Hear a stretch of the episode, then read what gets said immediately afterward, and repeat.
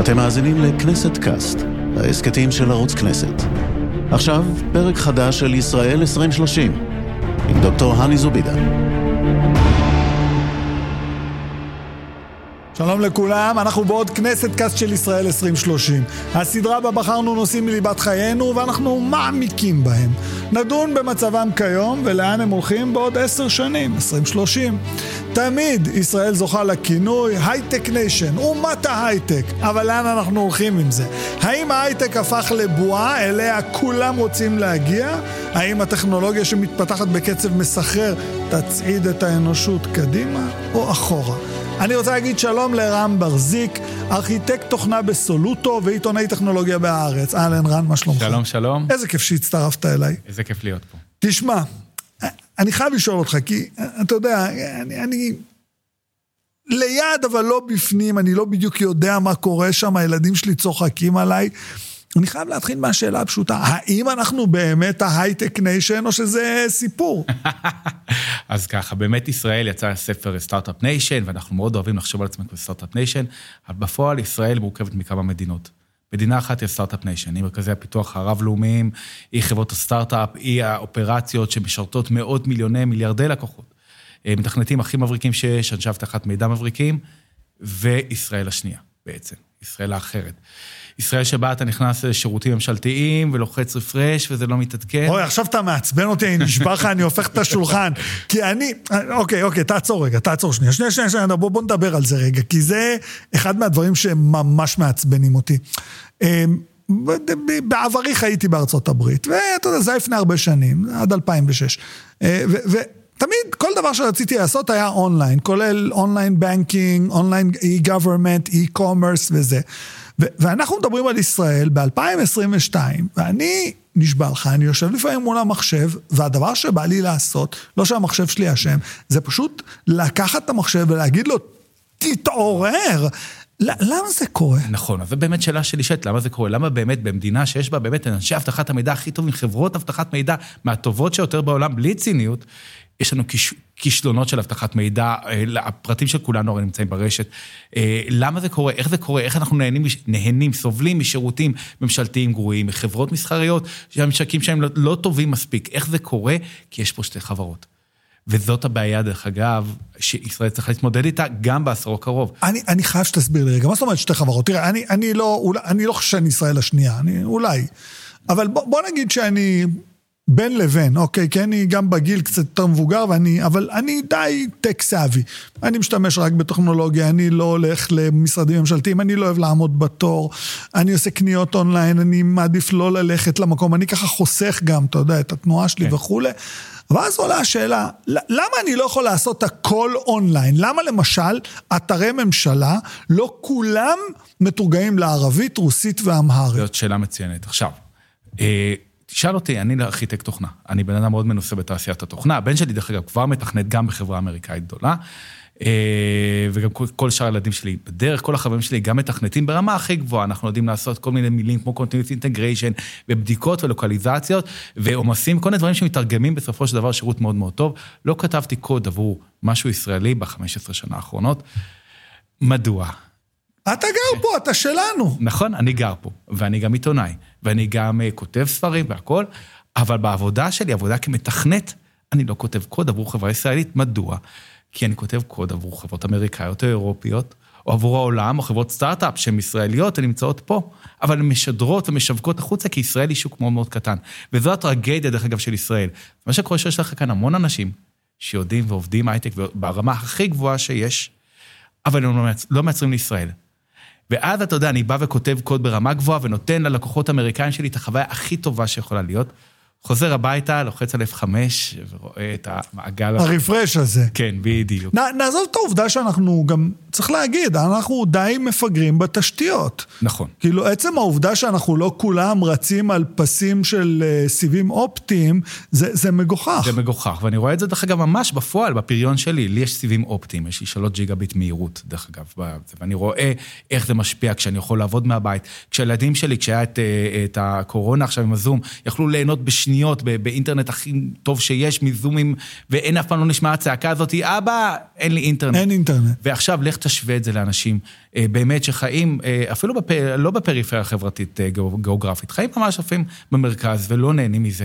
איך הם יכולים לקחת, איך הילדים שלהם ילמדו תכנות ויוכלו לעסוק בתכנות ברמה מאוד גבוהה שמצריכה אינטרנט מהיר? למה הילדים שלי, או אנשים שגרים במרכז הארץ, כן נהנים מאינטרנט מהיר, שמאפשר להם להרים שרתים ולעבוד מול שרתים אונליין, ואת כל הכיף הזה, ובלי ניתוקים ובלי בלאגנים, ובעצם מאפשר להם אחר כך בעצם להתפתח ולהיכנס לתוך התחום הזה, ואחרים לא. אתה יודע, אנשים לא קולטים. אני אתן לך דוגמה, למשל, שר, שר החוץ, שהוא מת על הקטע של ההייטק, כאילו, הוא, כן. הוא מה זה, הוא, הוא מדבר על זה ואתה קולט שזה כמו דבש בין השפתיים שלו. הוא אוהב, הוא אוהב להגיד הייטק והייטקיסטים. כולם אוהבים. כולם אוהבים להגיד את זה, כולם נורא נהנים מההצלחה הבינלאומית. אני לא אוהב להגיד את זה, אני מתנצל. האמת שגם אני... זה מאוד מעצבן אותי. בתחום המקצועי שאומרים Start-Up Nation, כאילו זה בתור בדיחה אומרים את זה. כי מבינים, אנשים מבינים את הדיסוננס הזה, אנחנו באמת יודעים את זה. הוא באמת, כולם, זה, אבל הוא באמת מתמקד בזה. כן, הוא מאוד אוהב את זה, זה גם מאוד מתאים לחתך של הבוחרים שלו, בוא נגיד את זה.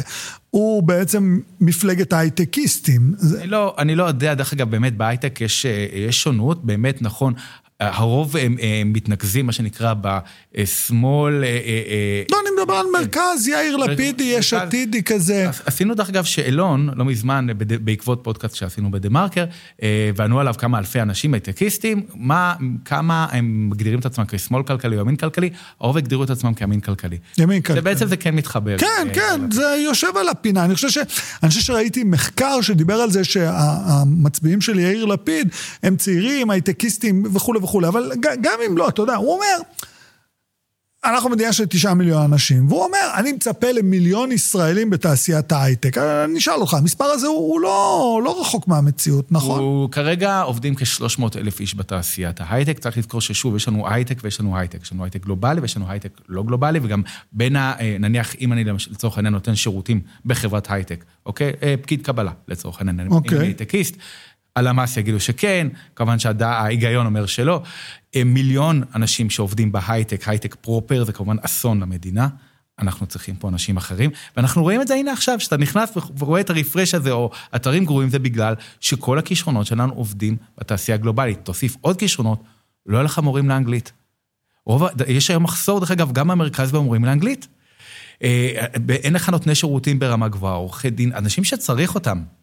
לא יהיה לנו, ואנחנו נסבול במה שנקרא תסמונת אה, עמק הסיליקון, שזה תסמונת כלכלית ידועה, שבה בעצם כל הכישרונות מתנקזים לגורם אקסוגני, לצורך העניין תעשיית ההייטק, שבעצם מייצרים את הכל החוצה, ובפנים יש לנו בעיה מאוד מאוד גדולה של נותני שירותים. בעוד סחורות אנחנו יכולים לייבא מאלי אקספרס, לא צריך אה, באמת, אה, חולצות לא צריכים לתפור פה, אפילו תוצרת חקלאית ברמה הזו או אחרת. אנשים שעובדים... אבל מקצועות שירותים. כן, אי אפשר. ואז יש בעצם מחסור מאוד מאוד כבד. ואז עולה, אתה יודע, תמיד עולה השאלה, הילדים שלך מוכשרים ככל שהם יהיו וטובים, בוא נגיד הילדים שלי גם, כן. מוכשרים וטובים ככל שהם יהיו, בלי מורים טובים, בלי מערכת חינוך טובה, אה, אה, אתה לא יכול לחנך אותם בבית. נכון, ודרך אגב, אבל למרבה הצער, רוב האנשים באמת שיש להם כסף מבינים ש... אה, אי אפשר לחנך את, האיש, אי אפשר לסמוך על מערכת החינוך בכל מקצועות הליבה החשובים, שזה בעיקר אנגלית, דרך אגב, שזה החסם העיקרי להייטק, אה, מתמטיקה ופיזיקה ומקצועות אחרים, ומביאים מורים פרטיים, או אה, משתמשים בתשתיות כדי ללמד אותם, תשתיות שלאו דווקא זמינות לאנשים ממקומות אחרים.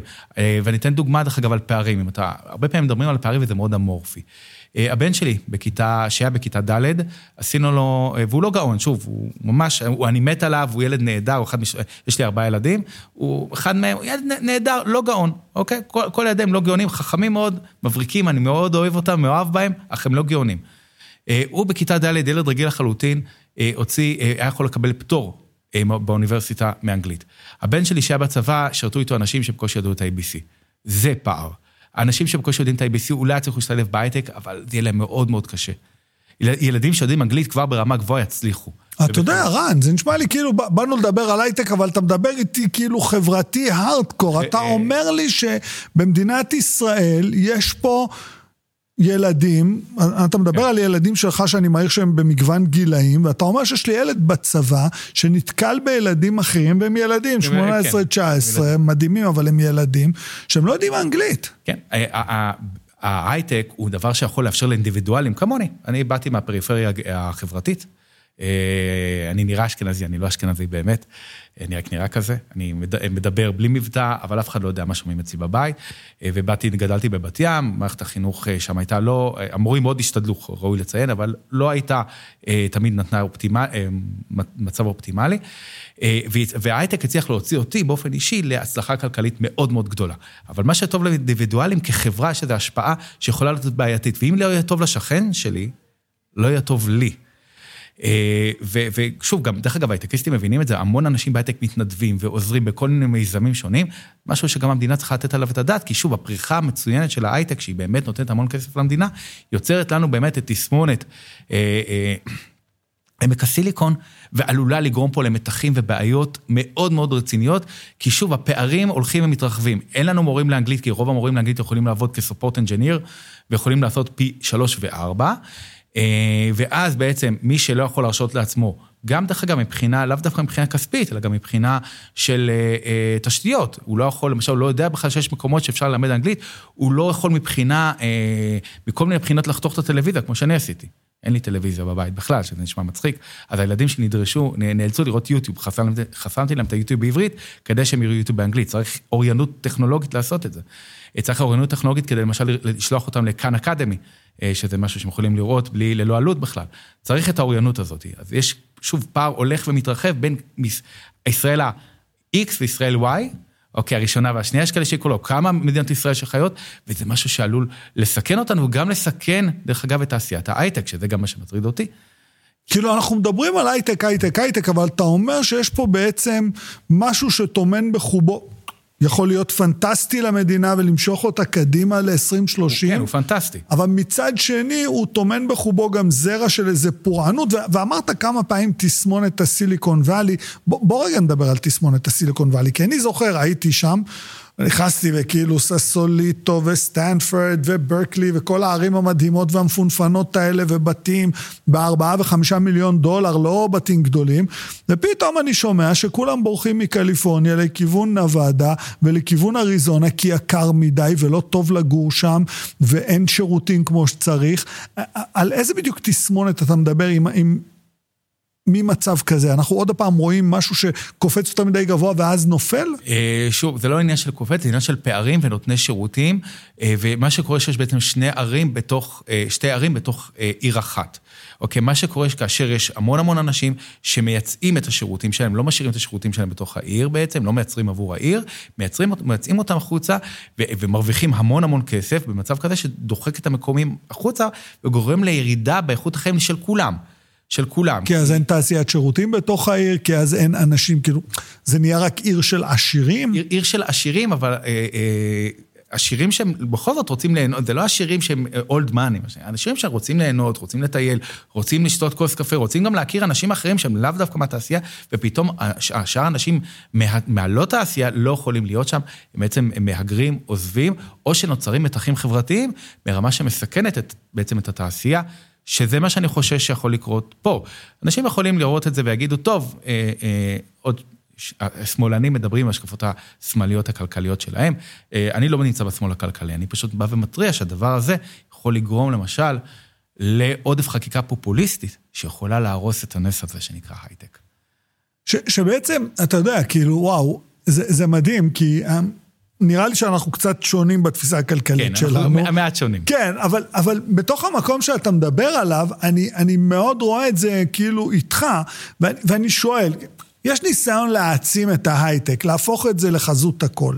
ובעוד יאיר לפיד אומר מיליון אנשים, ועכשיו אני מבין שגם אני וגם אתה מסכימים, זה טיפה יותר מדי, you're overstretching, וזה יכול לגרום לפגיעה. ואז אני שואל, אתה יודע, מדינת ישראל היא, היא גדולה, אתה יודע, אתה דיברת על עצמך, באת מבת ים, פריפריה חברתית, ואז אני אומר, אוקיי, אז מה קורה עם המסביבים? כי יש פה בעיה, המדינה שלנו נמתחת ממטולה בצפון עד אילת בדרום. יש למסביבים האלה את הסיכוי? אה, תמיד, קודם כל, איפה שיש חיים יש, יש תקווה, אבל מבחינה מאורגנת אין. ואם אנחנו נעשה סטטיסטיקה, נראה שרוב האנשים שמגיעים, שעובדים בהייטק, הם מגיעים מפרופיל מסוים. שוב, אה, אינדיבידואל תמיד צריך לשאוף להגדיל את הכנסתו, ובאמת אף אחד לא צריך להתייאש ולהגיד, אה, כן, רק אם, אם שירתתי ב-8200, רק אם הייתי, סיימתי בהצטיינות בטכניון, אני יכול להשתלב, אני דוגמה מעולה, אין לי תואר בכלל, תואר אקדמי בכלל. וואלה. כן, בצבא, דרך אגב, הייתי עובד רס"ר. לחלוטין. וואלה. כן, כן, זה, זה, אני תמיד בא ואומר, והנה, אני הצלחתי. רגע, אז איך למדת תכנות וכל זה? בעצמי.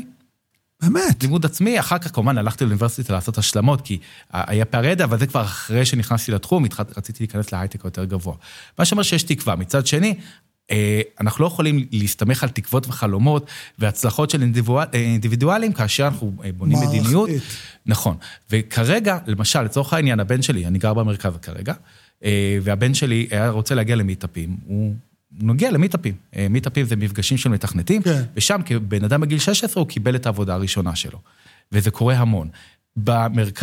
בדרום ובצפון אין כמעט כאלה, יש כמה יוזמות, דרך אגב אני נוסע לארצות שם מדי פעם, הנגב ווב דיבלופרס, אבל אין שם מספיק, והמדינה למשל לא מעודדת את זה, ומה שקורה שאין את זה, ואז ילד צעיר לא צריך לנסוע לתל אביב, בשביל המפגשים האלה לא ייסע לתל אביב, אין את כל ה... איך הוא יגיע, בחייך? כן, כי אין תחבורה ציבורית טובה. ואז באמת הפערים האלה הולכים ומתרחבים, והם עלולים לסכן כי, את, את התעשייה. כי א', אני רוצה לחיות במקום שנעים לי, ובתור מתכנת, אני יכול לעבור מתי שאני רוצה. כן, אתה לא קשור למקום, זה, זה הרי העבודה שלך היא על, על גיאוגרפי. על גיאוגרפי, אני רוב, למשל בחברה הקודמת שעבדתי בה במשבר הקורונה, בערך רבע מה, מהעובדים פשוט נסעו ליוון. נסעו, פשוט לקחו את עצמם בלי, הם לא צריכים דרכון, אפשר להוציא אשרה אה, זמנית. אה, הוציאו אשרה זמנית ויצאו, אה, בגלל, הנס הזה של ההייטק הוא נס שהוא מאוד מאוד שביר, אנחנו רגילים לחשוב על עצמנו בתור start-up nation וכל הזמן, קרה פה נס, יש פה נס, ומאוד מאוד קל להרוס אותו עם חקיקה פופוליסטית. חקיקה פופוליסטית תגיע עם הפערים האלה יתרחבו. עכשיו, בתעשיית ההייטק מבינים את זה. באמת, אה, בתור מישהו שהוא פעיל ומתנדב בהרבה מקומות, אני רואה כמה הייטקיסטים מתנדבים ופעילים ואכפת להם, ובאים באמת לכל המיזמים הנפלאים שיש, ויש המון שמיועדים להנגיש את ההייטק, אבל המטרה, העניין הוא שלא כולם יכולים לעבוד בהייטק, ואם הפערים האלה ימשיכו, אנחנו נגיע לבעיה מאוד... משברית. אז, אז בואו נדבר רגע על החקיקה השנייה. בוא, מצד אחד תגיד לי מהי החקיקה הפופוליסטית הבעייתית, ומצד שני, האם יש איזה אמצעי לעשות רגולציה על החקיקות האלו? אה, אני, האמת היא שפה באמת צריך מומחה, לא מומחה טכנולוגיה שיודע לכתוב קוד, okay. אוקיי. אלא מומחה משפטי. שוב, הרגולציה היא מיסוי. אה, כרגע באמת שני העשירונים העליונים משלמים כשכירים, אני לא מדבר על חברות, אה, משלמים המון המון מיסים, ובגלל, שוב, הם לא מקבלים מספיק תמורה יחסית למיסים האלה. אה, ואם אתה תעלה עוד את ערך המיסים, אז א', ילך תכנוני מס שונים ומשונים, וגם אנשים אולי גם יברחו. ומספיק באמת, חמישה, עשרה אחוזים, מספר האנשים שעובדים, עובד בהייטק הוא לא כל כך גדול, במיוחד בהייטק האמיתי, כדי שתתחיל בעצם מפולת, וזה באמת יהיה אסון למדינה. אה, אה, וזה זה, זה לא, לא, יהיה, לא יהיה טוב, ואנחנו okay. אוקיי. אנחנו יכולים, זה יכול לקרות, okay. זה לא אוקיי. מובטח. אני מבין, אני רוצה רגע לחזור רגע ל, ל, לרמה הממסדית. בוא נדבר על 8200 שנייה. ובתוך ההייטק, כי, כי זה הרי הולך ו, ולשם אנחנו הולכים, אנחנו הולכים לדבר על 2030, ו-8200, תרצה או לא תרצה, אני יודע שלא היית שם, לא אמרת לי, לא הייתי גם הבן שלי, דרך אגב. לא, ש, שזה מגניב, אני אוהב את זה דווקא, אבל מצד שני, אם אני מסתכל על הייטק, ביני ובינך, זה כמו ערב יחידה ב-8200. לא, לא, ממש לא. לא? אז תדבר איתי. 8200, כל הכבוד, היא עדיין יחידה אחת קטנה יחסית, שלא כולם שם מתכנתים. בשנים האחרונות יש לה באמת איזושהי הילה, שנופחה גם על ידי התקשורת, נרצה או לא תרצה. אה, אה, עבודה ב-8200, שירות ב-8200, גם צריך לציין שזה שירות. בכל זאת, אנשים מוותרים על, על חייהם, על אה, שלוש שנים פלוס עוד קבע ראשוני שהם חייבים לעשות, בדרך כלל יוצא, אני חושב, חמש שנים, מוותרים על המון שנים מהחיים שלהם, יהיו יכולים גם להשתלב בהייטק, גם ללא השירות הצבאי. אה, הבן שלי לצורך העניין השתלב ללא השירות הצבאי. אבל זה, אבל זה, אבל כולם מדברים על זה, ואני גם הסתכלתי על המספרים. מ-8200 ההגעה שלך להייטק היא, היא הרבה יותר בטוחה. היא יותר קלה. כן. זה כן, יותר קלה, אה, לא בטוחה. אה, ופה גם המדינה אה, צריכה גם לזכור שכמו שזה קורה, זה גם יכול להיעלם. שוב, ב-8200 גם מגיעים אנשים שמטבע הדברים הם מאוד מאוד טכנולוגיים. הם היו מגיעים גם להייטק לפני, אז יכול לתת לנו איזשהו עיוות, והרבה פעמים ממש יש לחץ מאוד מאוד כבד להכניס, להיכנס ל-8200, כי משם תגיע להייטק בלי להתחשב בפרופילים האישיים שלך. אני חושב שבאמת האתגר של המדינה זה פחות, גם, גם לא נשכח שב-8200, למרות שיש שם כן מדיניות שמנסה לבוא ולה... להכניס אנשים מקהלים אחרים, קודם כל הם נתונים תחת הלחצים שלהם, וב' אנחנו מדירים אוכלוסיות של חרדים, של ערבים. זה לא רק חרדים וערבים, 8200, בדקו. היחידות האלו מגיעות מהשמנה והסלטה של מדינת ישראל, שני עשירונים עליונים, היכולת שלך משמונת העשירונים האחרונים להיכנס ל-8200 שואפת לאפס, אבל זה חוזר גם למה שדיברת עליו במובן של הסקטור הציבורי, ה-F5 והגלגל כן. המסתובב. כי אם כבר הכוח אדם המצוין הזה מגיע, מה שאומר שבעצם המדינה מכשירה חלק ממנו, לא כולם. בוא נגיד חלק אפילו קטן. אוקיי, אבל היא לא מסוגלת להחזיק אותו בשוק הציבורי, כי אין לה יכולת לשלם את מה שמשלמים בהייטק. כן, אין לה יכולת להחזיק אותו, וככה זה נראה. אז קודם כל באמת אולי צריכים לשלם, סליחה, נכון, זה לא תמיד זה מתנגש עם הדעות הכלכליות שלי, לפעמים צריך לשלם יותר. למגזר הציבורי, לעשות שם רפורמות. דרך אגב, חלק גדול מהמתכנתים שאנחנו אומרים שעובדים בממשלה, עובדים בחברות אה, של קבלן. כן, כן, כאילו... שזה מזעזע, דרך אגב, חושבים על זה, מזעזע, ואז המדינה לא יכולה לבוא ולמנף את העניין של באמת ביטחון תעסוקתי לעובדים האלה ולמשוך אותם, אוקיי, אולי לא עם משכורות מאוד גבוהות, אבל עם תחושת שליחות שגם היא חשובה. דרך אגב, הטקיסטים הם זה לא... זה המדינה שלנו, אתה אוהב אותה כן. כמוני נראה לי, הילדים שלך פה, אתה מדבר עליה ואתה מדבר כאילו על המקום הזה, אנחנו רוצים שיהיה נכון, פה אה, כיף. ובאמת, וכל הייטקיסט שנמצא פה, והוא לא, לא עוזב, אז בן אדם שהוא מאוד פטריוט, חשוב לציין, מאוד אוהב את המדינה. אולי לא פטריוט במובן הציוני קלאסי. כן, כן, בסדר, אבל אנחנו, אתה יודע, אנחנו כן. אוהבים את הקטע הזה שאנחנו פה ואנחנו תורמים למקום הזה. ומהמקום הזה אני חייב לשאול אותך, כאילו, אוקיי, והשוק הציבורי הרי לא משתפר, אתה הוא יודע. לא משת, הוא, לא, הוא, רק, הוא רק הולך אה, מדי... אבל דרך אגב, יש איים של מצוינות, זה לא, לא קרה, יש באמת, ויש גם, דרך אגב, גופים שעוברים, ראיתי איך הם עוברים שינוי. שוב, עכשיו אני מוציא את כובע הטכנולוגי, שם את כובע העיתונאי הטכנולוגי. ראיתי באמת מערכות ציבוריות ממוחשבות, אל למשל, ממש אני רואה שיפור משמעותי, משמעותי ממש, אני ממצב של גוף שמבחינה טכנולוגית הוא, הוא קטסטרופה, ועכשיו הוא מצב הרבה הרבה יותר טוב, ממש... מוסכם. כדי... לגמרי. מוסכם, אתה ש... פתאום, ש... אתה יכול לשלם רישיון באתר, אתה יכול לעשות חידושים של דברים, לא כל דבר זה תבוא למשרד, תשב שמונה שעות בתור וכולי וכולי. כן. לא נדבר על הקטסטרופה של הדרכונים, בסדר? על זה לא נדבר. אוי, זה... שחרר זה... את זה רגע, זה, זה מצב שכאילו בן אדם בא ואומר, אני רוצה באמת לעקור לעצמי משהו. אבל אני רוצה לשאול אותך לגבי 2030, ופה אני, אני רוצה לשלב בין הכובע שלך כעיתונאי, שעוקב אחרי הדפוסים, וכאיש הייטק. בסופו של דבר, כדי להתחרות במדינות אחרות, כמו שאנחנו רוצים להתחרות, אה, תקרא לנו high-tech nation, לא תקרא לנו high-tech nation, לא מעניין אותי. אנחנו נצטרך לעמוד באיזשהו רף. נכון.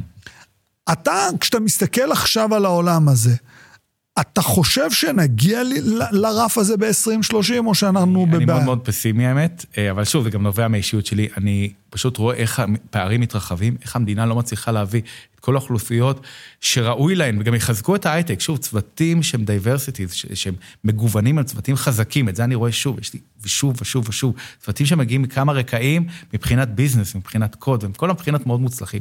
לא נצליח להביא את האוכלוסיות האלה, אנחנו ניכשל, אנחנו לא יכולים להישאר רק עם האחוז הזה, ואנחנו, ככל שהמדינה תידרדר יותר ויותר, כי שוב, ההייטק ישאב את כל הכישרונות, ולא נצליח לייצר כישרונות חדשים, ככה אנחנו בעצם נלך ונידרדר כמדינה, הפערים יתרחבו, ולא נצליח, ואם אתה שואל אותי מה המפתח, דרך אגב, הוא לעשות רפורם, אה, המון אנשים ניסו את זה ולא הצליחו, וזה נשמע קצת מצחיק, לשנות את החינוך כך שפשוט אה, אה, להצליח להכניס יותר אנשים, וגם לשפר את התקשורת, שזה דרך אגב משהו שבאמת נעשה. כן, לפחות השר הנוכחי מנסה לעשות את זה, יש לי הרבה ביקורת עליו. גם, גם לי, אבל הוא באמת ייאמר לזכותו, דרך אגב, שעם כל הפויקה והלישון בחוץ, הוא מצליח באמת לקדם את הפריסת הסיבים האופטיים בצורה טובה מאוד, גם דברים אחרים. שזה, אתה יודע, אני חושב על זה, שאני ואתה יושבים פה ב-2022, אנחנו מדברים על פריסת סיבים אופטיים, זה, זה נראה לי כאילו לדפוק את הראש בשולחן, כמה זה טיפשי לדבר על זה עכשיו. כן, ובמיוחד שזה ממש משפיע על הפריון ועל התפוקה, באמת, רק מי שנהנה מאינטרנט יציב ומהיר מאוד יודע איזה שלוות נפש. אנחנו מפעילים שרתים, הילדים שלי מרימים שרתים בבית, מורידים שרתים בבית, מפעילים יד, והכל ממש מהר, שהיה לנו את ההוט, אה, אה, או בזק, לא רוצה להיכנס לשמות של חברות, אבל האינטרנט הקווי הישן, זה היה הרבה יותר נורא. ברור. ראיתי איך הם פשוט, זה עיכב את הבן הגדול שלי, כי כל פעם אבא זה לא עובד, מנסים לחבר, מנסים... רק קבל את ההודעה הזאת על המסך. Your internet connection is unstable, be prepared to leave the session. כן, כאילו זה, זה, זה מטורף. זה נורא, ואז אי אפשר לעבוד מרחוק, ואז למשל, גם אם אני נמצא בפריפריה הגיאוגרפית, אה, שלוש שעות נסיעה, אני לא יכול לעבוד מרחוק. זאת אומרת, אי אפשר לעשות את זה. אה, וזה משהו שחייבים לשפר את זה, ושוב, שיפור בחינוך בדגש על שיפור טכנולוגי, במיוחד, במיוחד אנגלית, רמת האנגלית שלנו לא מספיק טובה, ואם זה אומר להחליף יד לכיס, להוציא ולשלם למורים לאנגלית, אז אפשר לעשות את זה. למי ואם אני- שיש. מה? למי שיש, המדינה צריכה לעשות את המדינה, האקט המדינה. הזה. המ- כן. אמרתי המדינה, וזה, כאילו, עד כמה שההשקפה הכלכלית שלי היא שונה משלך, במקרה הזה אין מה לעשות, זה בנפשנו. שוב, לשכן שלי לא יהיה טוב, גם לי לא יהיה טוב. זה לא אומר שכולנו צריכים להיות אותו דבר. וההייטק הוא מעולה לאינד- לאינדיבידואלים, אבל צריכים לענות א', לגישה מלאה לכל מי שיכול שייכנס לשם, זה אומר חינוך, זה אומר אנגלית, זה אומר אינטרנט מהיר, אבל גם לאפשר למי שלא בהייטק, חלילה וחס, יש עוד אנשים כאלה פה ושם, שהם גם יוכלו לחיות. כשאני הייתי מאבטח, דרך אגב, הצלחתי לחיות. הייתה לי דירה, היה לי רכב קטן, לא נסעתי לחו"ל, ידעתי שיש אנשים עשירים ממני וחייתי בסדר בעיר במרכז. היום זה כבר, בדירה בבעלותי. היום זה כבר משהו שהוא מדע בדיוני. וב-2030, איפה נהיה? זה חלק מאותה בועה שההייטקיסטים גורמים לה, עם ה, עם ה, למשל עם הנדל"ן שכולם מדברים. אני לא מאמין שזה נכון, ההייטקיסטים כן. לא גורמים לבועה יופי, מבחינת תודה. הנדל"ן. לא, לא. אוקיי, עוד דבר מדובר שאנחנו מסכימים אנשים, בו. כן, הם לא גורמים לבועה, יש גם נתונים שאומרים את זה. אה, ההייטקיסטים לא אשמים, אנחנו מייצרים. ואני מייצר ברמה בינלאומית ומכניס כסף למדינה. אני משלם מיסים, אני מצפה שהמדינה תיקח את המיסים שאני משלם, אני משלם הרבה, ותשתמש בהם כמו שצריך. ותעשה, תשלם איתם למורה של הבן שלי כמו שצריך, שהמורה של הבן שלי, אוקיי, לא תרוויח כמוני, לא תרוויח אפילו חצי ממני, שתרוויח רבע ממני. אוקיי, למה היא צריכה להרוויח שיש, שישית ממני, או שמינית ממני? אוקיי, שתרוויח במספיק שיהיה לה אפשרות לקנות דירה במשכורת, היא משכורת שלה, משכורת של בעלה של שניהם מורים, ששני מורים יצליחו לקנות דירה במרכז. אולי לא הפנטהאוז, זה בסדר, לא כולם חייבים לחיות בפנטהאוז, אולי לא בית פרטי, אבל דירה, ארבעה חדרים במרכז, האם זה משהו שהוא too much? לא, אם זה לא יקרה, לא יהיה לי מדבר. אתה מדבר לא על החלום הישראלי, אתה מדבר עכשיו על החלום הגדול ביותר שיש לישראלים, דירת ארבעה חדרים במרכז. שזה מזעזע, אני כשאני הייתי מאבטח, מאבטח עם מגנומטר, כן? לא עובד בתעשיית האבטחה בהייטק, הצלחתי לרכוש. וזה הפער, ועכשיו, וזה הסיכון גם להייטק, אנחנו מדברים על הייטק. זה הסיכון להייטק. ככל שהפערים האלה ימשיכו, יהיה יותר ויותר לחצים על חקיקה פופוליסטית למסות ולהגביל את ההייטק, ואז הנס הזה, בבת אחת כמו שהוא הגיע, יכול להיעלם. ב-2030, איך שאתה רואה את זה, לפי הדפוסים שאתה עוקב אחריהם, שוב פעם, גם כעיתונאי וגם כחלק מתעשיית ההייטק, כי אני עוקב, אני קורא אותך במרקר. ואני אני חייב לשאול אותך, הצפי שלך הוא שאנחנו נדבר במונחים האלו של זהירות, אנחנו עומדים לאבד את החלק הזה בחברה שלנו שהוא משמעותי, או שמישהו פה יתפכח ויפסיק למכור לנו את כל הסיסמאות והשטויות ויעשה משהו. אני מקווה, יש לי את התקוות שלי שזה לא יקרה, שבאמת אנחנו נבוא ונגיד, כן, ההייטק הוא חלק חשוב, אבל תראו כמה טוב עוד לאנשים אחרים. לצערי, אני, איך שאני רואה את זה, אנחנו הולכים לכיוון של או שאתה הייטקיסט או שאתה מת. וואו. אין, אין באמצע. יש את ההייטק הגלובלי, זה שמוכר, וההייטק הגלובלי, לא הייטקיסט. ברור, ברור, ברור. הייטק גלובלי שמוכר ומרוויח ועושה. שאתה גם פה חלק ממנו, זה צריך להגיד. כן, אני חלק משמעותי ממנו. אני עובד וזה, זה העבודה המרכזית שלי היא שם, לא עיתונאי. וכל השאר, שהם באמת, הם לא חיים במרכז, והמרכז, אזור גוש דן, יהפוך להיות יותר ויותר אזור שאם אתה לא הייטקיסט, או ירשת, או יש לך איזושהי פנסיה תקציבית זו או אחרת, אתה לא מסוגל לחיות שם. וזה חברה שהיא, שאני לא, לא הייתי רוצה לחיות בה, ואנחנו גם נתחיל לראות יותר, גם אם לא תהיה חקיקה פופוליסטית, יותר ויותר הייטקיסטים עוזבים את המדינה, בדיוק כמו שקרה בדרום אפריקה. מי שביקר שם יודע, וואו. בדרום אפריקה אנשים... כן, כן, דרום כאילו- אפריקה הופכת להרבה יותר ענייה בגלל העזיבה של הרבה מקצועות חופשיים, לא רק הייטקיסטים, אבל גם. כי לא נעים, אני הייתי ביוהנסבורג, הייתי גם בקייפטאון, קייפטאון פחות... ערים מהממות, יפות, אבל יש בעיה מאוד גדולה של פשיעה ו... יוהנסבורג זה היה כמו, פשוט עזבתי אחרי, באתי, עשיתי את מה שהייתי צריך לעשות מבחינת עבודה, פשוט עליתי על מטוס, חזרתי לארץ. הייתי אמור לטייל, אמרתי, אני לא, פשוט הרגשתי כל כך... הרגשה לא נעימה? הרגשה לא נעימה. בקייפטאון פחות, כי שם יש פחות אה, אה, אה, פערים. אבל אתה לא יכול להיות בטוח אם לשכן שלך מאוד מאוד מאוד לא טוב. יכול להיות שהוא פחות עשיר ממך, יכול להיות שהוא גר בקומה אחת, ואתה גר בפנטהאוז, בסדר, אבל הוא גר. אתה לא יכול לתת לו לגור ברחוב. זה מה שמדאיג אותי מאוד מבחינת... זה הנבואה הכי פסימית שקיבלתי ממישהו ל-2030 בווידאו קאסטים שלנו, לא שאת זה רע, אני רק מציין את זה כעובדה. אני, אני ארכיטקט תוכנה, והתפקיד שלנו הוא, דרך אגב, לראות סיכונים ולהיות פסימיים. ארכיטקט תוכנה אופטימי לא נשאר במקצוע הזה, גם אני חוקר אבטחת מידע, אפשר לומר, אפילו או מקצועי או חובב, זה לא משנה, אבל חוקר אבטחת מידע, וגם פה אני פסימי מאוד. ואני מקווה מאוד שתחזית שתתבדה. מצד שני, גם הייתי בטוח שהשוק הישראלי יקרוס כבר לפני שנים, והנה אנחנו עדיין... אנחנו עדיין חיים. לא, לא, יצאתי נורא שלילי, אבל גם צריך לזכור שאולי גם אנחנו נראה גם מדיניות של אנשים שמצליחים לשפר את חייהם בדיוק כמו שאני הצלחתי. זאת אומרת, אנשים שאולי לא נתן להם סיכון, אולי, אולי נראה גם יותר שילוב של אוכלוסיות, כי המון אנשים בהייטק עובדים על זה, ועובדים על זה חזק. יש עמותות, ובאמת, כל בן אדם שהוא לא מאותה אוכלוסייה של... אה, אה, האוכלוסייה הצפויה של הייטק, שאני רואה אותו מסתובב בחברת הייטק, והוא בא ואומר לי, או, הייתי בא, ראיתי בהרצאה שלך שהעברת בארגון הזה והזה בטק קרייר או באפלסיד, והנה אני פה, וכל אדם פה, כשאני רואה חרדים ויוצאי אתיופיה וערבים וזה, שמסתובבים ועובדים ומנהלים, חשוב לציין. הם לא נותני שירותים, הם מנהלים ומובילים חברות ויוזמי חברות. זה עושה לי טוב, ואולי הדבר הזה ישתפר, אז אולי נהיה קצת יותר אופטימיים. טוב, אז הנה, אני מפסיק את זה פה. נגמר לנו הזמן. רן ברזיק, תודה רבה שהצטרפת אליי. תודה רבה שאתם הייתם איתנו בעוד כנסת קאסט של ישראל 2030. אנחנו נתראה בפרק הבא, שיהיה לכם אחלה יום.